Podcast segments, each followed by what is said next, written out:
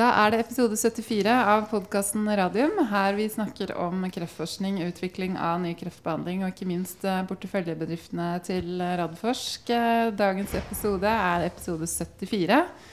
Eh, UiO livsvitenskapskonferanse og Bayer har jeg kalt den. Og velkommen i studio, Jonas Einarsson, og ikke minst gratulerer med dagen. Du Takk blir skal 29. Du blir 29 år. Det er Så bra. Ok, eh, da skal vi eh, gå over til engelsk. And it's eh, great to have Kemal Malik, Board of Management of Bayer, responsible for innovation here. Thank you for having me. Yes, and uh, welcome to our podcast. Um, you just had the opening speech here at uh, the University of Oslo's uh, Life Science Conference, and you talked about a lot of things, uh, of course, and you also talked uh, about uh, Algeta. But maybe you can give our listeners a short recap of your messages uh, in your speech. Sure, I'd be delighted to. Um, so, what I want to do is talk about how important I think innovation is, not just for Bayer, but for society as a whole. I talked a little bit about how, due to the advances of innovation, we've doubled life expectancy in the West over the last 150 years, from an average life expectancy of 40 to nearly 80. How we've managed to feed people in the West, but how we've got very significant challenges going forward over the course of the next 20 or 30 years, we're going to double the number of people over 60. We're going to increase the world's population by 2 billion by 2050. So, those issues of health and nutrition, how we keep healthy and how we feed the world, are going to become more and more important. And I really do believe that the only way of addressing those issues is through innovation. Hmm. So, I talked a little bit about that, but also the fact that no one group can do this by themselves big companies like Bayer can't do it by themselves. Universities can't do it by themselves. Governments can't do it by themselves. But if we all work together in a collaborative fashion, I talked about innovation ecosystems and us working together, we can start addressing some of these challenges. And for me, Algeta was an example of this, where we sourced the innovation that had been generated here in Norway by Algeta. And now the product uh, the lead product, a drug called Xofigo, is now approved in 50 countries worldwide, and over 50,000 people with prostate cancer have received this drug. It's quite quite amazing. Um, Algeta used to be in the portfolio of Radforsk. Yes, it was one of the first companies we invested Oh, in actually great. when I started here 19 years ago. But uh, at that time, it was not, not easy to work together with the big pharma companies because everything we came with, they said this is not invented here, so we're not interested in, uh, in it. But you also talked about that, how that has changed for the big pharma companies, that you actually also need to collaborate with uh, environments like Oslo Cancer Cluster, and and uh, we have a lot of of, uh, of uh, collaboration now with with the big pharma companies. There's been quite a change in in your kind of companies. I think if you look at when I joined the pharmaceutical industry, which was in the 1990s, almost all the things that we brought to the market came from our own research laboratories. So I saw an analysis recently where in 1995, over 75% of the sales of the industry for the individual companies came from products that had come from their own research laboratories. Mm.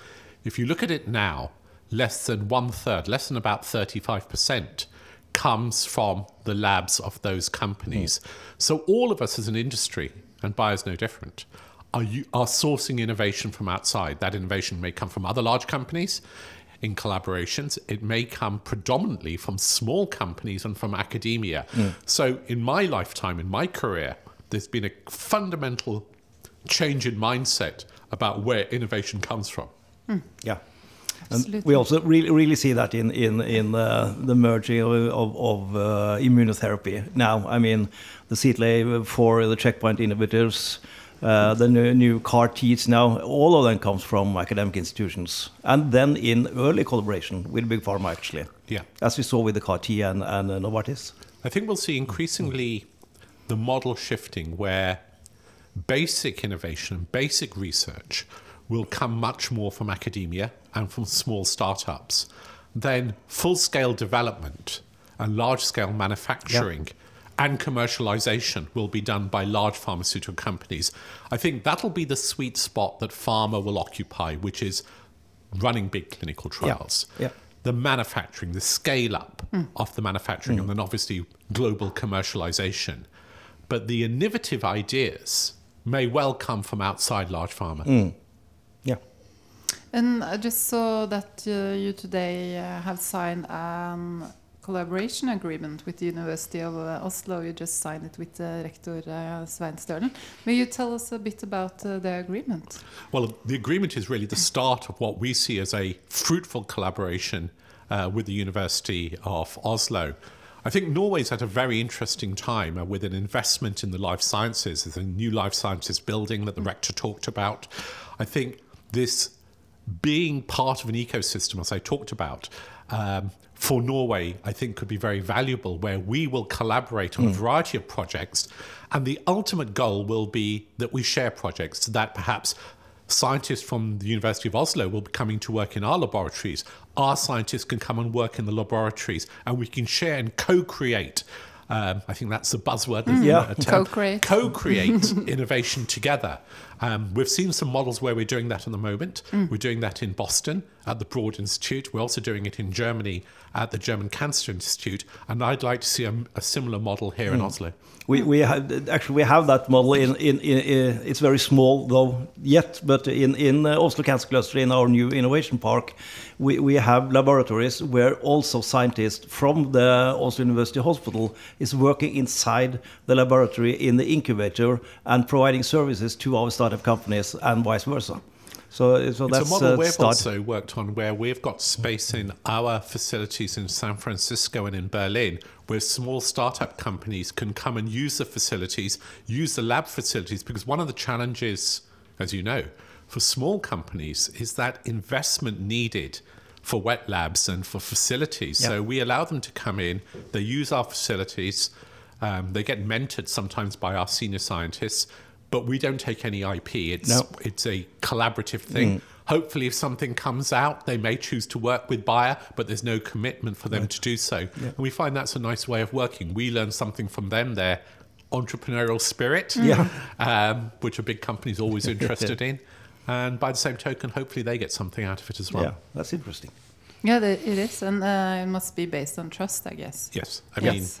mean, clearly, I think the industry needs to move away from a model where everything you have to give us and sign a 100 Yeah. contracts Yeah. before you open come in through the front door. It's got to be much more about creating things together, Mm. co creation.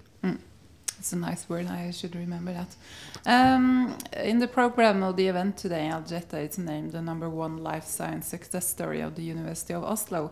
Uh, may you tell us um, how you perceive the the added value that Algeta has brought to Bayer as a global company? Yeah, sure. Before I was um, appointed to the board in 2014, I was head of drug development in pharma for 10 years between 2003 and 2013. So the whole Algeta experience was sort of on my watch, if you like. Um, so we first got introduced to Algeta um, back in 2008, 2009, where we started looking at the phase three program that they were running in prostate cancer. Bayer's uh, very keen on three therapeutic areas. There's our big focus is cardiovascular oncology and women's health. And in the oncology space, we were always on the lookout for interesting products. And we became aware of uh, Algeta and what they were doing. The phase three program hadn't read out then. The result, the, the program was running, and we formed a collaboration. And then the results came out and were positive, and the drug got approved. Why it was important is it's a bedrock of our oncology franchise. So it's one of the key products in our oncology franchise. We had some other drugs previously, we've got some subsequently, but it formed a very important part of our uh, oncology franchise. So much so that we then chose to acquire mm. Algeta subsequently. So for us, it was a key part of our strategy. Mm. Mm. It also opened up a new area for us. Bayer as a company is very strong in small molecule chemistry. Um, that's where our previous compounds were. This radiopharmaceutical, this new way of treating patients with bone metastases with prostate cancer, was a new advance for us as a company. We also then also got access to the subsequent follow up, which is the Thorium hmm. platform from Algeta. So for us, it was it served many purposes. I mean, great innovation. That's you know, I said, in 50 countries worldwide with Xofigo, but also a research platform that was added to Bayer's. Hmm. Hmm. And oh yeah, sorry. No, no problem. Uh, uh, just to remember, when when you bought Algeta, there was a lot of talk here in, in Norway. There you see what happens. The big pharma comes and buys the company, and everything's going out of the country. But it's not that uh, that was not what, what happened. It, it's really strengthened Bayer in Norway, and you're actually investing quite a lot of money in the next Thorium platform. Sure. I mean, over the last four years, Bayer's invested 100 million euros Yeah. in Norway. Um, I was in our offices earlier where we've got our thorium research activities on the seventh floor, I think it is, um, off the building. Um, or fourth floor, whatever. Um, and I met them, and half the staff you meet in the office are former Algeta employees. Yeah. So rather than saying, well, we're going to buy it and ship everything out, it's strengthened the presence in Norway. And I think that's got to be the model that comp- big companies uh, work towards. You almost, it's counterintuitive. You buy a company because it's you know, it's innovative, it's got a lot of agility, can work quickly, great science. And then you try and stamp the corporate identity on it, ship it somewhere else, and you destroy value by doing it. The art of it is to make the employees feel as if they're part of this global enterprise, Bayer, but still keep the reason why they became successful, which is ultimately always down to the people Yeah. the single most important thing, without doubt, is the people, but also the culture that they've created. And if you can keep that going, then it's very powerful. Yeah. Um, if if we go over to a more broader view, go to healthcare. What what do you think uh, are Norway's benefits uh, within healthcare? What can we contribute to to the world? I mean, obviously, you've got some inherent challenges, one of them related to size. Yeah. I mean, you're not the world's biggest country, No, we're obviously. not. um, but, you know, they say size isn't everything, I believe. Um, there are some advantages. Um, first of all, and I'm often asked about what makes Boston Boston. Boston is the world's epicenter for biomedical innovation. And I would say there's probably three things. The first of these is great universities. You don't even start trying to be an innovation hub or ecosystem hotspot if you don't have great universities. You have to have great universities. You have to have them working closely with hospitals mm. because the pull through from research into the clinic, that translational medicine, experimental medicine area is critical and where a lot of things fail. And third thing, frankly, is money mm. Yeah. is to actually oil the wheels, mm. you need money. Boston has three in spades great universities, uh, great uh, hospitals, and lots of venture capital money. The challenge we have in Europe in general is we there's many locations that have great hos- universities, great hospitals, but we don't have a lot of money to oil the wheels. Hmm.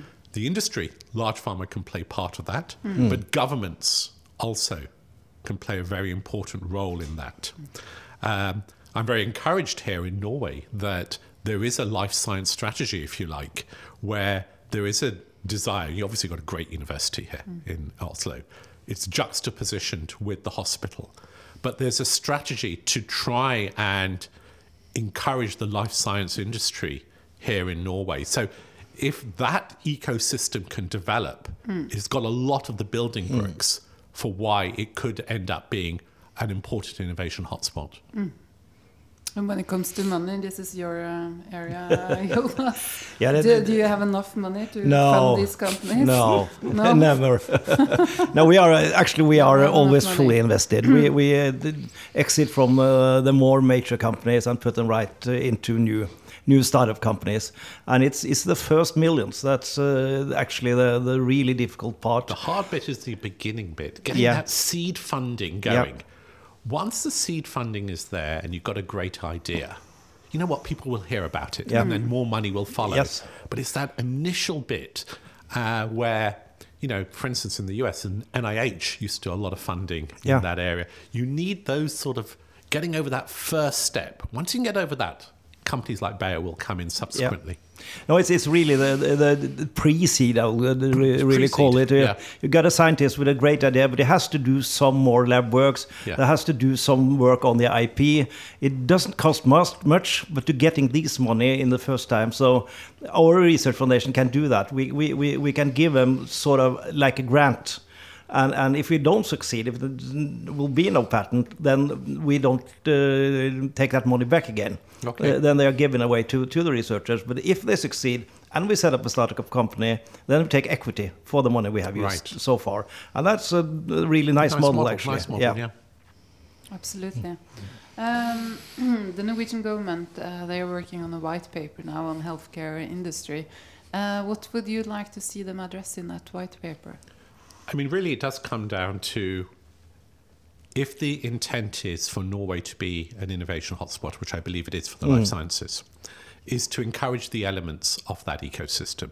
So continue to encourage universities. I mean, the fundamental is to have great science. Mm. If you've got great science, without great science, don't even start going there. So, you know, if countries say that we want to be an innovation hotspot because the global pharma industry spends 150 billion on, a year on R&D, we want to be part of that, and you don't have great universities, don't even start. It's, it's a waste of time. So encourage the university sector is really, really important, which is about education. Um, the second part of that is the funding of healthcare.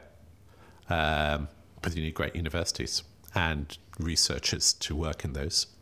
Um, and then to try and address some of these issues about seed funding and working with bodies like yourself. If those elements of the life science strategy could be developed, and then also thinking where can you compete and where can you differentiate?